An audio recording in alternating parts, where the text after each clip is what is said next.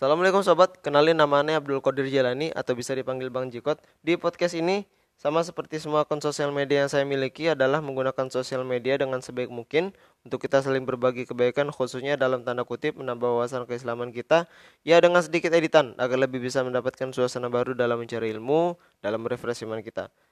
Dan harapan Anda juga semoga di podcast ini ya bisalah kita sedikit-sedikit tambah pahala kita untuk di kampung halaman kita yang sesungguhnya yaitu di akhirat kelak.